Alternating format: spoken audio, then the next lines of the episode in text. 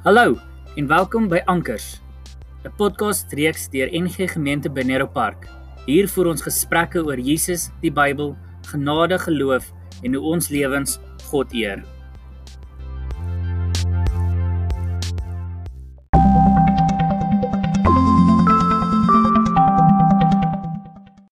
Goeiemôre. Ons is vandag by die laaste hoofstuk van Kolossense, naamlik Kolossense 4. Hier's nog 'n paar interessante dinge wat ons nou kyk, twee goed wat ek veral op klem wil klem wil lê. Die eerste ding is wat hy sommer in hoofstuk 4 vers 1 wegspring mee is om te sê eienaars behandel julle slawe reg en billik.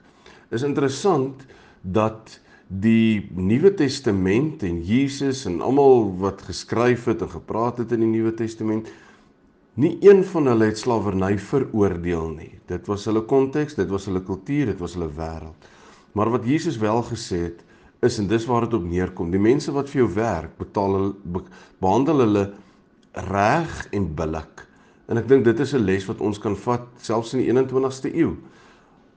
Baie mense van ons het mense wat vir ons werk, of dit in die huis, in die tuin of waar dit ook al is, of in 'n besigheid, 'n kollega is een belangrike les wat ons vanoggend kan leer is om te sê die mense wat vir ons werk, behandel hulle reg en billik. Moet hulle nie kort betaal nie, moenie onredelik wees nie.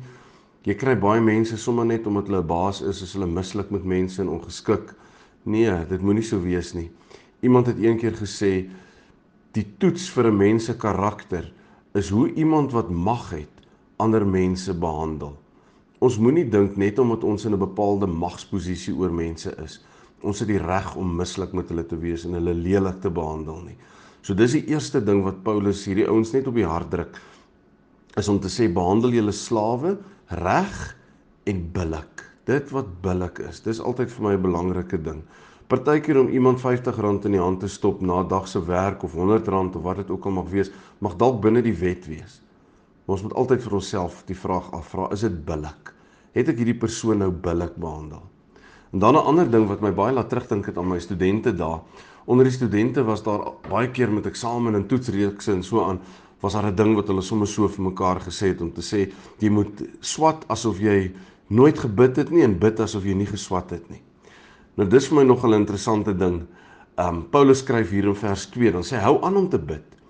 Bid terwyl jy geestelik waaksaam en wakker is. Ag en dankbaar is. Dis wat hy vir hulle sê. Hy sê hou aan bid En dan terwyl jy bid, moet jy waaksaam wees en dankbaar. Hierdie hou aan bid beteken nie ou moet elke sekond van die dag bid nie. As iemand vir my vra, dink ek heeldag aan Anneke as my vrou. Dan sê ek ja, maar ek bedoel ook nou nie elke sekond nie. Ek dink gedurig aan haar. En hoe lief ek vir haar is en wat ons verhouding vir my beteken of ons kinders. Ek dink heeldag aan ons kinders, maar nie elke sekond nie. En dit is wat hierdie gedeelte ook beteken. Dis bid gereeld, praat gereeld met die Here en so aan. En dan 'n ander ding, die tweede deel van vers 2 sê bid terwyl jy geestelik waaksaam is. Baie mense dink as hulle bid, hoef hulle op optou om iets te doen. Hulle hoef optou waaksaam wees want ek het mos nou gebid. Maar terwyl ons dit sê, kom ons gaan dink bietjie en gaan kyk mooi wat Nehemia gedoen het toe hulle die muur gebou het. In Nehemia 4 vers 9 dan staan daar ons het tot ons God gebid en dag en nag wagte teen hulle uitgesit. So hulle het gebid en hulle het gewerk. En ek dink dis 'n belangrike ding wat ons ver oggend met onsself moet saamvat. Dit help nie ek sê ek bid vir my gesondheid, maar ek is iemand wat met bloeddrukprobleme sukkel en nou drink ek nie meer medisyne nie of ek is onverantwoordelik of iets van die aard. Nee, ek bid, jy weet, die Here sal my beskerm, ek sal niks oorkom nie. Dis nie 'n Bybelse beginsel nie. Nehemia het gebid en hulle het wagte uitgesit. En dis 'n ding wat ons moet onthou, dat ons waaksaam sal wees. Met ander woorde, ons moet wakker wees, ons moet ons omstandighede kyk en so aan, maar ons moenie onverantwoordelik wees en dink ek het mos gebid, ek sal niks oorkom nie.